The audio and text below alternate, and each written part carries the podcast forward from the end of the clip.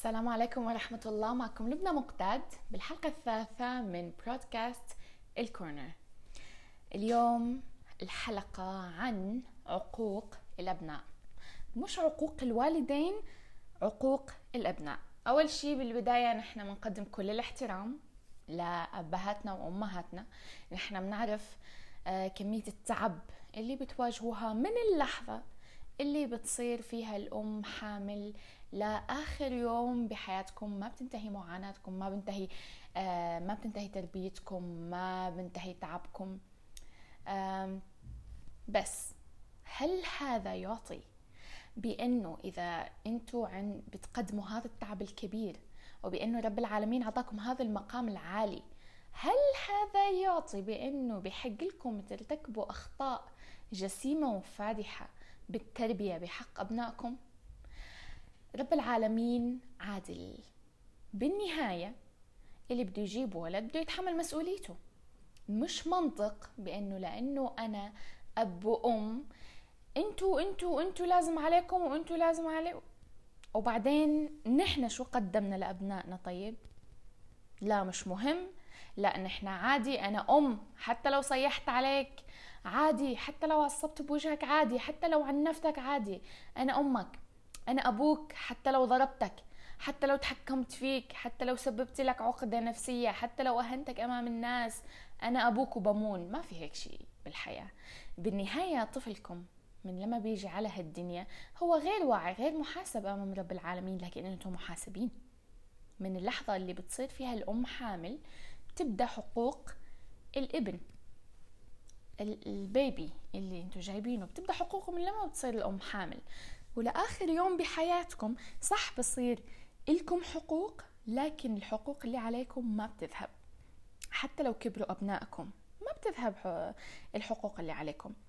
خلينا نحكي بأول وأهم آه، يعني عقوق بيرتكبها الوالدين تجاه أبنائهم يلي هي العقوق الرئيسية واللي أهم شيء كوننا نحن مسلمين. أول حقوق رب العالمين بيسجلها على الوالدين اتجاه أبنائهم هي عقوق الدين.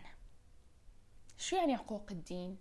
يعني إذا أنت بتقصر بصلاتك وأولادك عم بتفرجوا عليك وأنت عم بتقصر بصلاتك رح يتعلموا منك إنهم يقصروا بصلاتهم أوتوماتيك. رح أنت ارتكبت إثم بحقهم إذا أنت قصرت بصلاتك. إذا أنت ما فرجيتهم بأنه الصلاة مهمة. هذا بعيدا عن أنك تعلمهم الصلاة. أي الأبناء من لما بيكونوا صغار بيكونوا بينسخوا تصرفات أهاليهم. إذا شافوا أبوهم وأمهم عند الأذان بعطوا للصلاة أهمية. مستحيل يكبروا إلا هم وحاسين هي الأهمية على فكرة حتى لو ولا بحياتك جلست قدامهم وشرحت لهم شو معنات هي الأهمية رح يستشعروها. إذا أنت لما بتتصدق أمامهم بتعطي لشخص إذا إذا أنتوا التزمتوا بالدين وبالأخلاق. الأخلاق كثير مهمة. أنت بتكذب ابنك رح يتعلم منك الكذب. أنت عم بتعق ابنك بكذبك. لأنك عم تعطيه خلق وصفة هو أخذها من صغر لأنه شافك عم بتنفذها. هو مو واعي. هو لحد ما يبلغ غير واعي غير فاهم. هي أقل شيء أقل شيء البنات ممكن يبلشوا مثلا بلوغ من عمر 12 و 13 سنة. يعني أمامهم 12 13 سنة وطبعا ممكن تكون أكثر اللي بيبلغ 14 واللي بيبلغ 15 واللي بيبلغ 16 المواض... المختلفة ذكورا وإناثا. ما في لهم عمر محدد آه يعني بسنة معينة كل الأطفال يبلغون. لحد ما يبلغ في 12 13 14 سنة أبنائكم عم ينسخوا تصرفاتكم وهم غير مسؤولين عن ولا ذنب ممكن يرتكبوه الذنب كامل يقع عليكم. أنتوا بتلبسوا ملابس فاحشة. الأمهات أو حتى الأبهات خصوصا نحن بهالأيام بنشوف الشورتات. فخذك مبين يا زلمة. الأم إذا طلعتي بميك اب كامل إذا بنتك بكرة تعلمت معك أنت حاملة وزرها لأنها هي تعلمت منك. الفكرة إنه هي لمدة 13 14 سنة كانت عم تخزن معلومات براسها شاءت أم أبت على فكرة.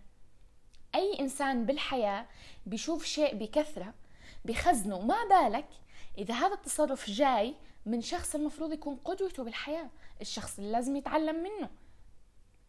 تطلعي بتحطي make up برا بنتك إذا بكرة طلعت حطت ميك اب لا تستغربي.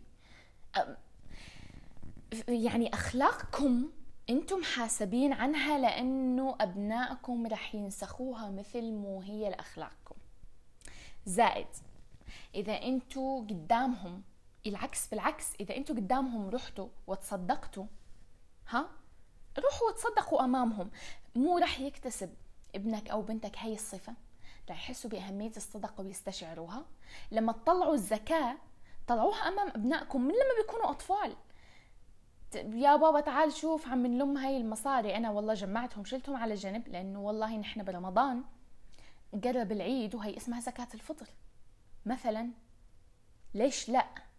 والله يا بابا أنا بشغلي حاليا بالإسلام لازم أطلع زكاة مصاري. وفرجيه بأنه أنت حبا إعطاء المال حب.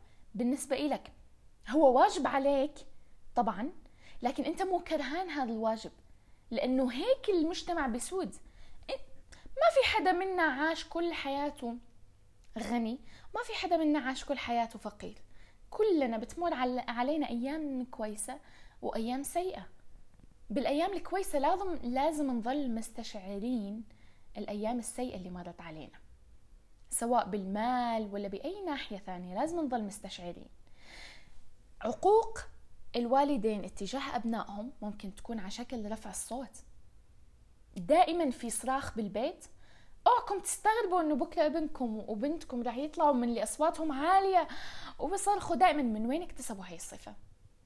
أراهنك إذا فتوا على بيت الأب والأم بتكلموا دائما دائما بنبرة صوت عادية غير مرتفعة. مستحيل تشوفوا عندهم ولد متعود يرفع صوته. رغم إنه هو كإنسان نحن عارفين قديش تأثير المجتمع قديش تأثير الإنترنت وتأثير الأصدقاء برا ورغم هيك أغلب الصفات اللي موجودة عنده مش من أهل مش من برا من أهله. أنتم مسؤولين عن أقل شيء 80% من الصفات الموجودة عند أبنائكم. صح هو له شخصيته. تمام؟ لكن رفع الصوت هي صفة مكتسبة مش شخصية. ما في حدا تقول لي والله أنا شخصيتي صوتي دائما لا لا لا لا حتعود أنتوا كأب وأم تعودتوا ترفعوا صوتكم. وإذا بتنتبهوا لنفسكم وبتقولوا نحن من اليوم ورايح يا جماعة ما عدنا نرفع صوتنا بدنا عائلتنا تنمو بطريقة سليمة من بكرة بتقدروا تحافظوا على نبرة صوت. الأسوأ من رفع الصوت أنكم ترفعوه مع ألفاظ سيئة. الألفاظ السيئة هي أسوأ ما قد يحمله الأب والأم اتجاه أبنائهم. حتى لو ما كانوا عم بيوجهوا الكلام لأبنائهم لعلمكم أنا بحكي هيك صفة موجودة فيكم. موجودة بالآب بالآباء. مجرد أنكم أنتم بتتلفظوا بكلمات سيئة حتى لو مع الناس اللي برا. حتى لو الأم للأب والأب للأم حتى لو ما انكم عم توجهوها لأبنائكم التأثير ما. لا تعتقدوا بأنه نحن هيك ما عم نجرم بحقهم من بلا عم تجرموا بحقهم عم بتعنفوهم لفظيا ونفسيا بتصرفاتكم هاي حتى لو ما وجهتوها اتجاههم أنتوا خبروني في إنسان بالحياة بيرتاح بأنه يتواجد ببيئة غير سليمة يعاشر الناس مش كويسين حتى لو ما ما اذوه حتى لو ما بيسترجوا ياذوه حتى لو أنت ذات نفسك الحين هلأ أي حدا بالغ راشد عاقل عم يسمعني تمام؟ قول لي ذكرا كان أم أنثى؟ لو أنتم موجودين ببيئة اللي حواليكم بيحملوا أخلاق مثل الزفت لكنهم ما بيوجهوا لكم إياها لأنكم أقوياء وبيعرفوا إنه أنتم ما رح تسكتوا لهم تمام؟ هم ما رح يوجهوا لكم اياها هل ما رح تتأثروا؟ إذا نحن كبار بالغين راشدين عاقلين ومستحيل نقبل يكون حوالينا صديق كلامه سفل حتى لو ما وجهنا إياه. شيء مؤذي للنفسية. صديق دائما مثلا بيضرب الأطفال مثلا إذا شافهم بالشارع. شيء مؤذي للنفسية هو ما عم يضربنا بس شيء مؤذي للنف... لنفسيتنا. فما بالكم بالأطفال. ما بالكم طفل عايش ببيئة سيئة. أنتم مسؤولين عن كل الآباء الأمهات مسؤولين عن كل همسة عن كل تصرف. بتتصرفوه. تمام؟ بعدين بعدين تخيلوا أنكم لسه توجهوا هذا العنف اللفظي والألفاظ السيئة تجاه أبنائكم. أول شيء بعيدا عن التعنيف اللفظي والآثار السيئة والسلبية والنفسية اللي بتتم على طفلكم. وحتى لو كبر على فكرة مو ضروري يكون طفل حتى لو بلغ وصار مراهق وصار بالغ. ما في إنسان ما بيتأثر وبينأذى من كلمة سيئة أمه أو أبوه بيوجهوا له إياها. حتى لو أنتم معصبين حتى لو أنتم معصبين الله يرزق أمي الجنة من لما طلعت على الدنيا لليوم. مستحيل مهما عصبت بتكون معصبة وتقول الله يهديك. الله يهديك يا فلان الله يهديك. وهي معصبة ومتضايقة. مستحيل تقول إلا الله يهديك. انتبهوا انتبهوا, انتبهوا من الألفاظ اللي يعني اللي بتتعاملوا فيها مع أولادكم. الأم اللي اللي قال والله أنا ما بديش أدعي على ابني بتصير تدعي حالها. الله يلعن أمكم اللي هيك سوت. الله يلعن أبوكم. إنه يعني ما عم بتسبوا على أبنائهم. على فكرة نفس النتيجة أنتم عم بتمارسوا عليهم عنف لفظي. وبعيدا عن العنف أنتم كمؤمنين الرسول الله صلى عليه قال المؤمن ليس بالطعان ولا اللعان ولا الفاحش ولا البذيء. الصفات السيئة هاي كمؤمنين انتو ما لازم تكون فيكم. شيء يعني شيء مثل السم بكلامك.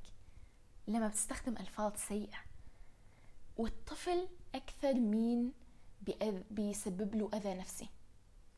بسبب قلة وعيه من جهة وبسبب أنه أحيانا كطفل بسبب أنه الطفل غير قادر على الدفاع عن نفسه وغير قادر على استيعاب صحته النفسية وبأنه شلون يعدلها.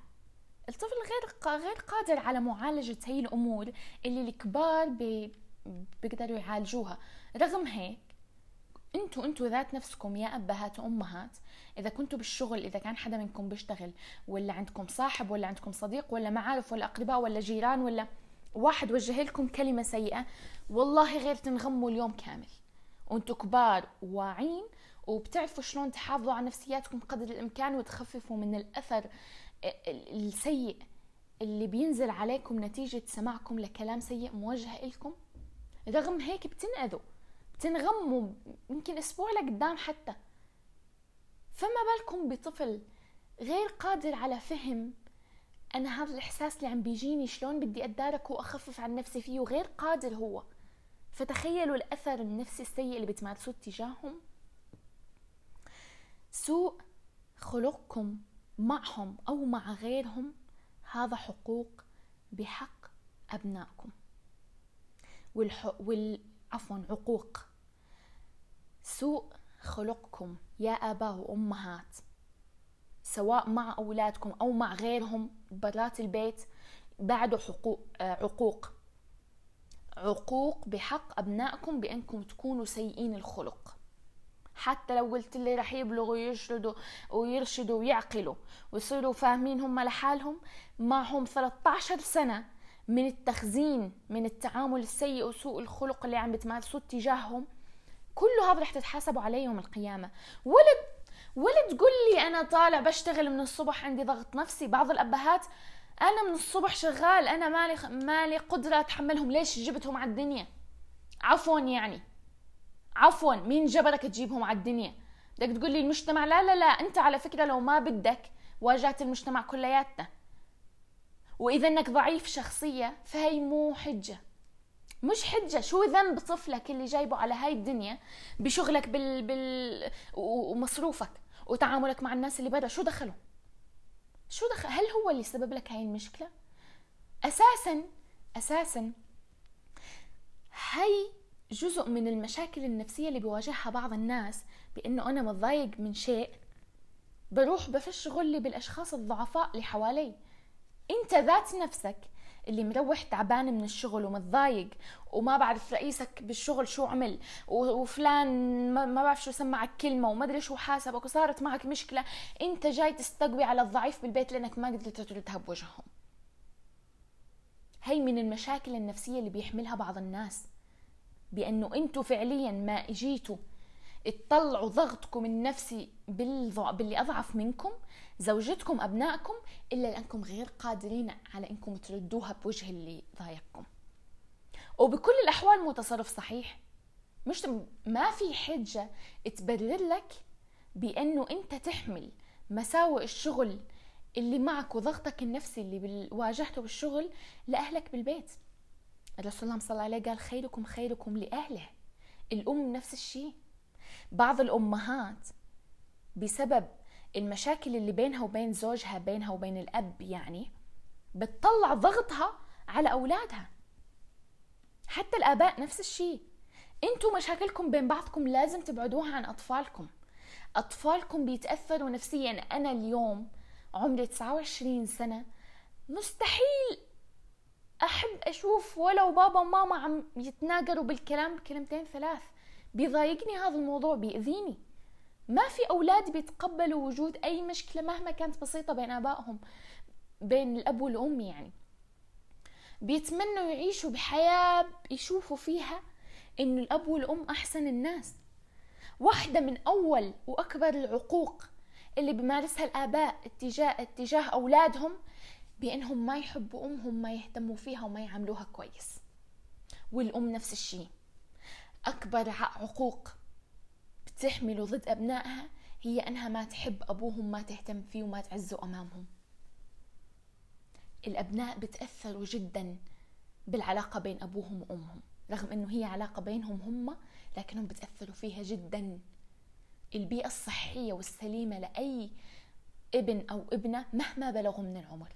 أطفال تأثيره أصعب وأقوى لكن حتى بالغين وراشدين والله لو يوصل خمسين سنة أنكم تأذوهم نفسيا بمشاكلكم. لازم تلاقوا طريقة ما في حياة بدون مشاكل لكن بدكم تلاقوا طريقة أنكم تبعدوها بعد كامل عن أبنائكم. ما تخلوا أبنائكم يحسوا وخصوصا هم أطفال عقوق عقوق وجريمة عقوق وجريمة بحق ابنكم أو بنتكم الأطفال بأنكم تظهروا مشاكلكم أمامهم. بترتفع أصواتكم وبتغلط بحقها وبتغلط بحقك وما بتظل كلام سيء عليها وعلى أهلها ما بتقولوا وهي ما بظل كلام سيء عليك وعلى أهلك ما بتقولوا حرام. حرام. انتو قيمكم عن الخطأ والصواب. أنا ماني عم بحكي عنكم انتو حرام اللي عم تعملوه اتجاه أبنائكم. وخصوصي إذا وصلت لرفعة ال... رفعة الإيد رفعة الإيد حالة حالة مختلفة تماما. أنا أنا بدي اللي بيرفع إيده على زوجته وأبنائه ياخذوه على السجن. صراحة يعملوا له إعادة تأهيل. العنف لو تقرأوا لو تقرأوا بعلم النفس التعنيف على فكرة ومنه اللفظي والجسدي العنف اللفظي والجسدي آثاره النفسية على الناس على أبنائك وعلى زوجتك؟ لو تعرفوا العنف الجسدي قديش سيء والله لا تقولوا حطوهم بالسجن اللي بيرفع إيده. لهاي الدرجة لهاي الدرجة بتأذيه. تأذيه بتأذيه نفسيا على شخصيته لحد ما يكبر. والله بتتأثر بضرب أنت كنت تضربه إياه هو طفل. أو حتى تضربه لأمه. والله بيكبر وعنده مشكلة بنفسيته كله بسبب إنه شاف أبوه ضرب أمه ولو مرة واحدة. محتاج الناس اللي بترفع إيدها وبتضرب محتاجين إعادة تأهيل. يحطوهم مصحات نفسية يأهلوهم يعلموهم إنه اللي قدامكم بني آدمين مش دواب. أصلا حتى الدابة أنتم متخيلين إنه حتى الدابة بالإسلام أنت ما بصيرش تضربها؟ ما بالك بإنسان ما بالك بإنسان.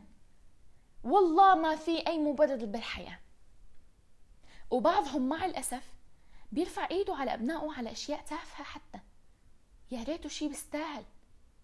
يعني مش لا سمح الله لقاه والله ملقى معه مخدرات. لا لا لا لا, لا شغلات أبسط من هيك مليون مرة. أبسط من هيك بمليون مرة. أنا مو قلت لك غير قنينة الغاز. أنا مو قلت لك جيب مي للبيت ليش ما عصب عليه. أنا ما قلت لك ساعتين تلعب على البلاي ستيشن وبتطفي؟ بضربه نعم كفر ابنك. ليش لحتى بتمد إيدك عليه؟ نعم صح لازم يكون في ساعات محددة للجوال لأطفالكم ساعات محددة للبلاي ستيشن ساعات محددة للتلفزيون. لكن على فكرة مستحيل تحددوا لهم ساعات معينة على جوالهم على البلاي ستيشن وتقولوا لهم بس ناخذ منكم روحوا اقعدوا مع الحيطان. أنتم موكلين بأبنائكم. لما بتسحب منه جواله بدك تلاقي له شغلة ثانية يعملها. انت انت شو مفكره؟ مش بني آدم؟ يعني هل انت متوقعه هو يقعد يتصفن بالحيط؟ هل انت متوقع انه أمامك ابن بعده ما بلغش من العمر 18 سنة بيعرف شو بده يعمل بحياته؟ يعني إنه والله أنا أخذت منه الجوال فهي يلا تعوا أنا عندي عشر شغلات أعملهم غير الجوال تعوا ناخذ واحدة منها. لا. كلهم لما تسحبوا منهم الجوال عندهم حياة فاضية خارج الجوال. شو السبب؟ مين السبب؟ انتو. الآباء والأمهات انتو السبب. بأنكم لما بتسحبوا الجوال من أبنائكم ما بصفي عندهم شيء ثاني يعملوه. لأنه انتو من لما كانوا أطفال ما جبتوا لهم مهارات متعددة يمارسوها هوايات. هل ابنكم عنده رسم؟ هل مسجل بنادي رياضة؟ هل عنده روحه على الحدائق بيلعب بالملاعب؟ هل مسجلينه يتعلم سباحة؟ خيل شطرنج عندهم شدة بالبيت عندهم ألعاب الذكاء. شو شو شو بتعلموا ابنكم أنتم؟ مسجلينه بتحفيظ قرآن؟ حتى لو مسجلينه هو يوم بالأسبوع. مليتوا له يوم من أصل سبع أيام وعم بتحاسبوه ليش بالست أيام؟ أنت إذا سحبنا منك الجوال بتزعل؟ طبعا لأنه عنده ست أيام كاملة يتفرج فيها على الحيط. الأطفال غير قادرين. مش بس أطفال لمرحلة الشباب غير قادرين. يعني انت تعال قول لواحد حتى عمره 25 سنة. أنا بسحب منك الجوال واتركك تتصفن بالحيط ولا تحط شغلة بكل هدوء تقعد تتفرج عليها. ما في. إن أنتوا الآباء والأمهات بتقيسوا على نفسكم. أنتوا كبار بالعمر. أعماركم بالأربعينات والخمسينات ولا حتى مثلا الثلاثينات منتصف الثلاثينات. عادي والله تجيبوا قهوة. وتحطوا شغلة تفرجوا عليها وتمر ساعتين ثلاث وأنتم مو متضايقين من هذا الوضع. لكن أنتم لأنكم كبرتوا. الأطفال وحتى المراهقين خصوصي يعني هذول المراحل غير قادرين على الإحساس بالمتعة. ما ما في شيء عندهم أنا أجيب شغلة أشربها وأقعد بس. ما في شيء. ما بي الكلام اللي أنتم بتستمتعوا بالتحدث عنه هم ما بيستمتعوا بأنهم يسووا هاي الأشياء. بدكم تلاقوا لهم حركة. أشياء يتصرفوها. ألعاب مهارات تسجلوهم بنوادي تسجلوهم نوادي صيفية بقصد النوادي اللي بيعملوا لهم فعاليات ومسابقات وفرق وهيك. يعني ما قصدي النادي لازم الرياضي. سجلوهم بهذا سجلوهم بهذا.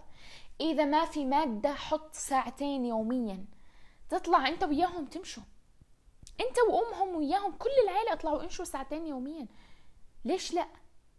ليش لا؟ مهما كانوا صغار حتى الأطفال حطوهم بالعرباية وخذوهم معكم. بيتعودوا. بشموا هواء نظيف. علموهم يروحوا يطلبوا من السوبر ماركت لوحدهم. اللي عم بتسووه لما بتسحبوا من أولادكم الجوال بدون ما تلاقوا لهم مقابل عقوق. لأنكم صح أنتم مسؤولين عن أنكم ما ما تتركوا الجوالات والنت والبلاي ستيشن يأذوا أولادكم. لكنكم أيضا مسؤولين عن أنكم تنموا شخصيتهم بجميع الاتجاهات. وواحدة منها أكثر طريقة بيتعلم فيها الطفل من لما بيكون طفل هي الألعاب. ولما بصير مراهق النشاطات. لما بتقصروا بحقهم بهي النواحي أنتوا أجرمتوا بحقهم. بعدين في موضوع كثير مهم. الآباء يعني أنا لو بحكي عن عقوق الأمهات ما بيطلعوا 10% مواجه الآباء.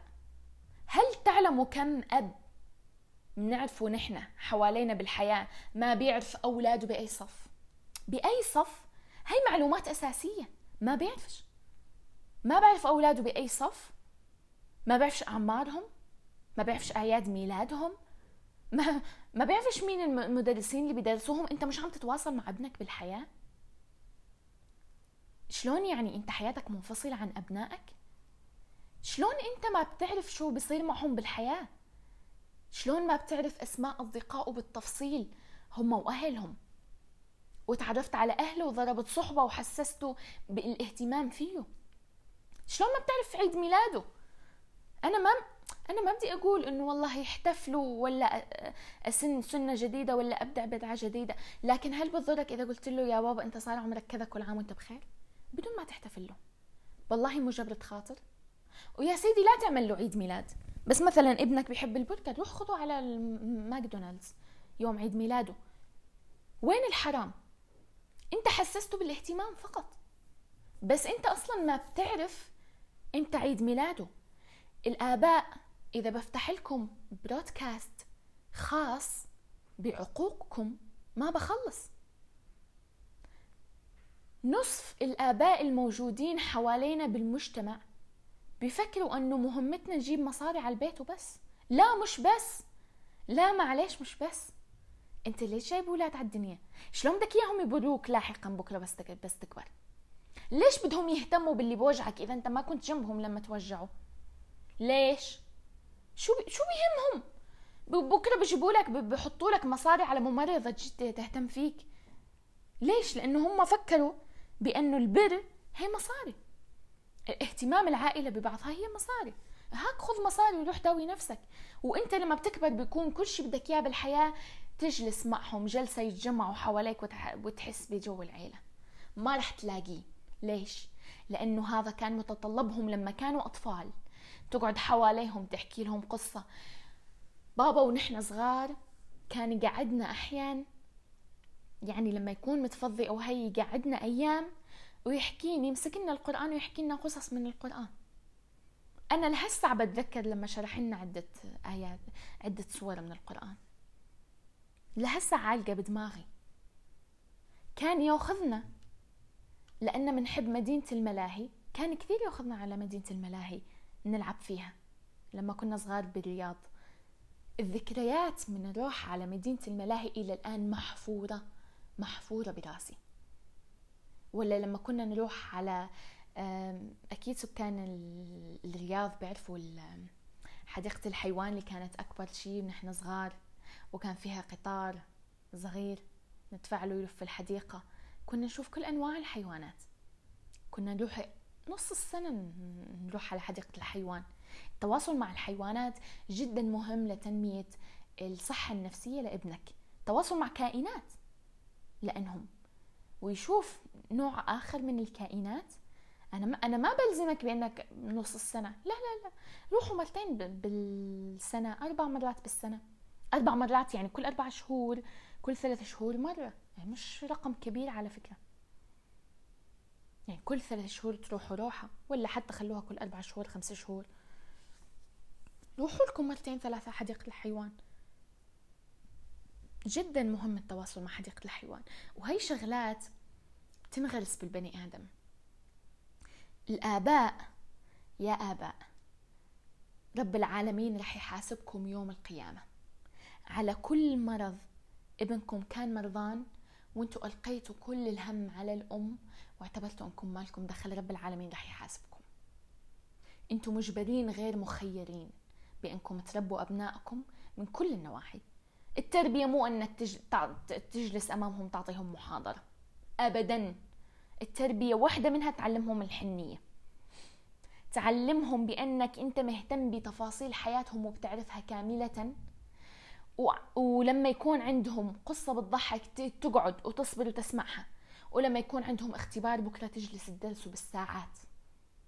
تلقوا كل المهام على الأم. أنتم فاكرين حالكم. أنكم أديتوا المهمة؟ لا ما أديتوا المهمة. التربية أمام رب العالمين. أتحدى أي شخص يجيب لي آية قرآنية أو حديث عن الرسول الله صلى عليه بتقول بأنه التربية مهمة الأم. أنه لما يكون عندك لما يكون عند ابنك اختبار ولا أي شيء الأم اللي تجلس تجلس عنده. وبانه لما أنتم بدكم تطلعوا مشاوير دائما مع أمهم. أتحدى أي شخص يجيب لي هيك دليل. التربية مهمة مشتركة بين الأب والأم. مهمة مشتركة. انت لما تكون انت بشغلك بالبيت هي مشتغله بأولادها لما تكون بشغلك خارجا الأم مشتغله بأولادها داخل المنزل. لما ترجع مو انت تعبان تجلس تقابل ابنك. انت مروح تعبان بس هي بكل هذا الوقت من الصباح هي هي ماسكة أطفالها. هم already شافوها لمدة تسع عشر ساعات متواصلة لأمهم. صار لازم دور أبوهم. اي نعم انت مروح تعبان. اي نعم أنت ما لك خلق ونعسان وبدك بس تاكل وتنام لكن غير مسموح لك. مو أنت بدك تجيب أولاد على الدنيا بدك تتحمل. ما في شيء بدون ضريبة هي سنة الحياة. هاي سنة الحياة. بأنك بدك تجيب أبناء للدنيا بدك ترعاهم. إذا أنت غير قادر على فعل هيك تصرفات بأنك وأنت تعبان وراجع من الشغل ومواجه مشاكل الحياة ومتخانق مع فلان وواحد أكل لك فلوسك والثاني ويمكن وصلت للمحاكم وبس فت عبات ببيتك بدك تمسك أولادك تشوف شو صار معهم اليوم وتهتم فيهم وتحضنهم وتقول لهم إنه أنت بتحبهم وتطلع بالليل تاخذهم مشوار. إذا أنت من هسه أي إنسان شايف نفسه غير قادر على إنه يتم التربية لآخرها لا يتزوج ولا يجيب أولاد لو سمحتوا. كم أم بنشوفها بالشارع ماسكة أولادها وماشية بالشارع منظر طبيعي. والله إني بستغرب لما بشوف أب ماسك أولاده وماشي بالشارع منظر نادر بحس لازم نحطهم بالمتحف. طالع مع أبنائه لحالهم؟ متحمل مسؤوليتهم لحاله؟ منظر م... منظر نادر بمجتمعنا. ليش؟ كم مرة شهد الرسول الله صلى عليه مع أبناء مع بناته لحالهم؟ ومع أحفاده لحاله. لحاله عم يرعاهم. بخطبة بصلاة بمشوار يظلوا معه هو. يرعاهم بتحمل مسؤوليتهم بالكامل. في أب بيطلع طلعات مع أولاده بس بدون أمهم؟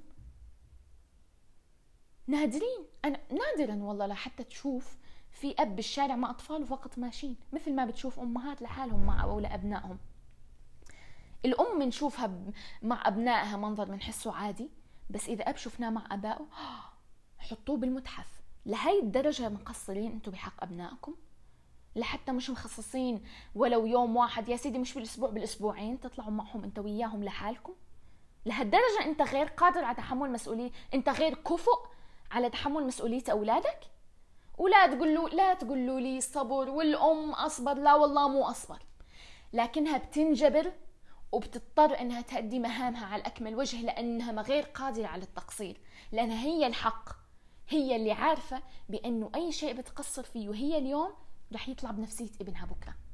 لكن انت الأب انت اللي غير واعي. وانت اللي ما بدك تبذل جهد كافي. وإلا هي رسول الله صلى الله عليه كان يهتم باحفاده قديش في آلاف القصص مع الحسن والحسين. ومع حتى بنت آه، علي وفاطمة اللهم ارضى عنهم. مع أولاد وبنات بناته الأخ... الأخريات. مع بنته فاطمة. مع باقي بناته في قصص كان يهتم فيهم يرعاهم غير أمهاتهم غير موجودين بالساحة ولا حتى أبهاتهم بالنسبة لأحفادهم هو اللي عم بيرعاهم غير. لو لو الأب غير قادر على تحمل هاي المسؤولية لكان رب العالمين قال له أنت ما عليكش هاي المسؤولية. ببساطة. مو مو رب العالمين هو اللي خلقنا. لو خلق الأب أنه أنت غير قادر على القيام بالتربية ما كان وجه له هاي المهمة. مو رب, الع... رب العالمين خلقكم وبيعرف أجسامكم ونفوسكم وشخصياتكم. لو كنتوا غير قادرين لما حملكم شيء غير قادرين عليه. رب العالمين ما بيحمل لا يكلف الله نفسا إلا وسعها. طالما قال لك التربية مسؤوليتك مثل ما هي مسؤولية الأم اذا أنت غير قادر عليها. أنت بس بدك تريح حالك ما بدكش تبذل جهد. الآباء عاقين عاقين عاقين اتجاه أبنائهم. أكثر عقوقا من الأمهات بأضعاف. لأنهم بيفكروا انه مسؤوليتهم شغلتين لا ثالث لهما. عصب البيت أدخل وأخرج أولادي خايفين مني. كل ما تصير شغله الأم تقول والله علم أبوكم والله أقول لأبوكم. انت شغلتكم التخويف الفزاعة تبعت البيت. والشغلة الثانية تجيبوا فلوس. لا والله ما هي هي. حتى لو أبنائكم ما حسوا بالتقصير اللي أنتم عم تعملوه لأنه تعودوا بأنه والله عادي أنا من لما طلعت على الدنيا أبوي ما بهتم فيي. الأبناء بيفكروا أنه معناته مو مهمة أبوهم حتى لو هم ما عرفوا. الأثر النفسي موجود حتى لو ما أدركوه.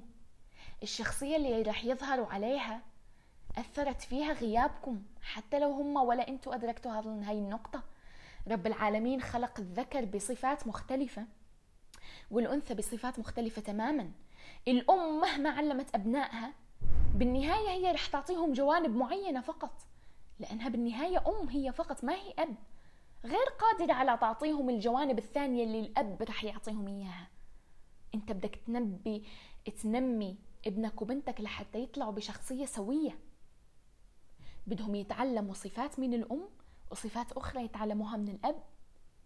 ببساطة أي شيء بتقصر فيه هو عم بيأثر فيه.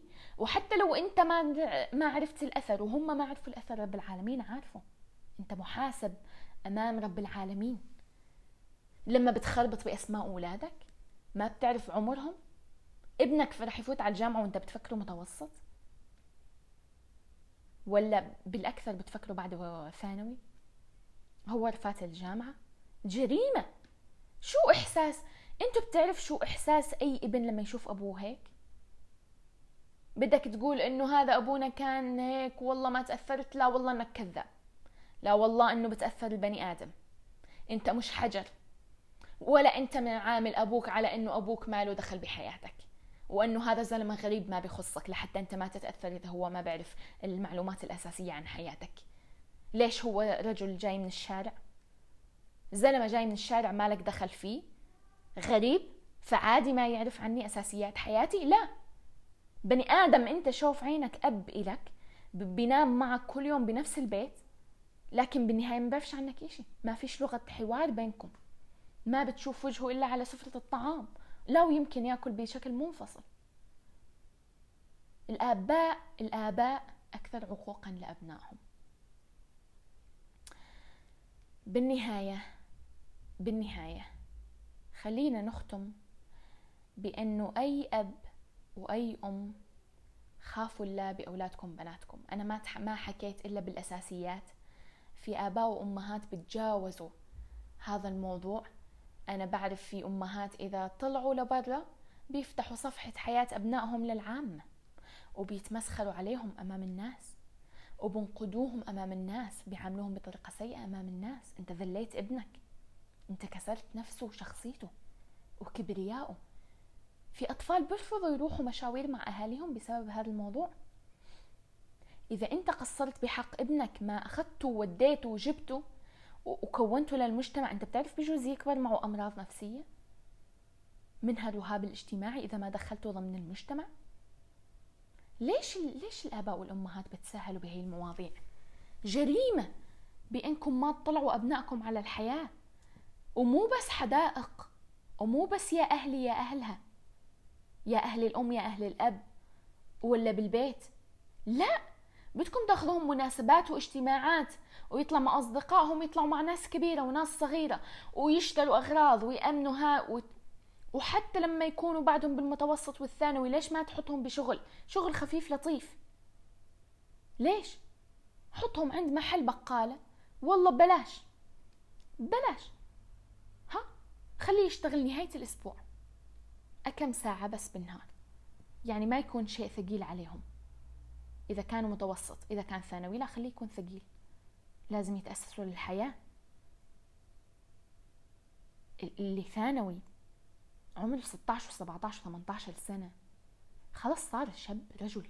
حتى الأنثى. حتى الأنثى. حتى لو ببلاش خلوها تشتغل بأماكن برا. أولادك وبناتك نفس الشيء. بالنهاية بالنهاية خلوني أختم بأنه أقسى أقسى عقوق بمارسها الآباء تجاه أبنائهم هي التمييز. يا آباء ويا أمهات خافوا الله بأنكم تميزوا هذا ولد وهذيك بنت. خافوا الله. ولا هذا الكبير يحق له هذا الصغير مدلل والوسط ضايع حقه. خافوا الله. والله أثر النفسي عظيم جدا عليهم. عظيم جدا.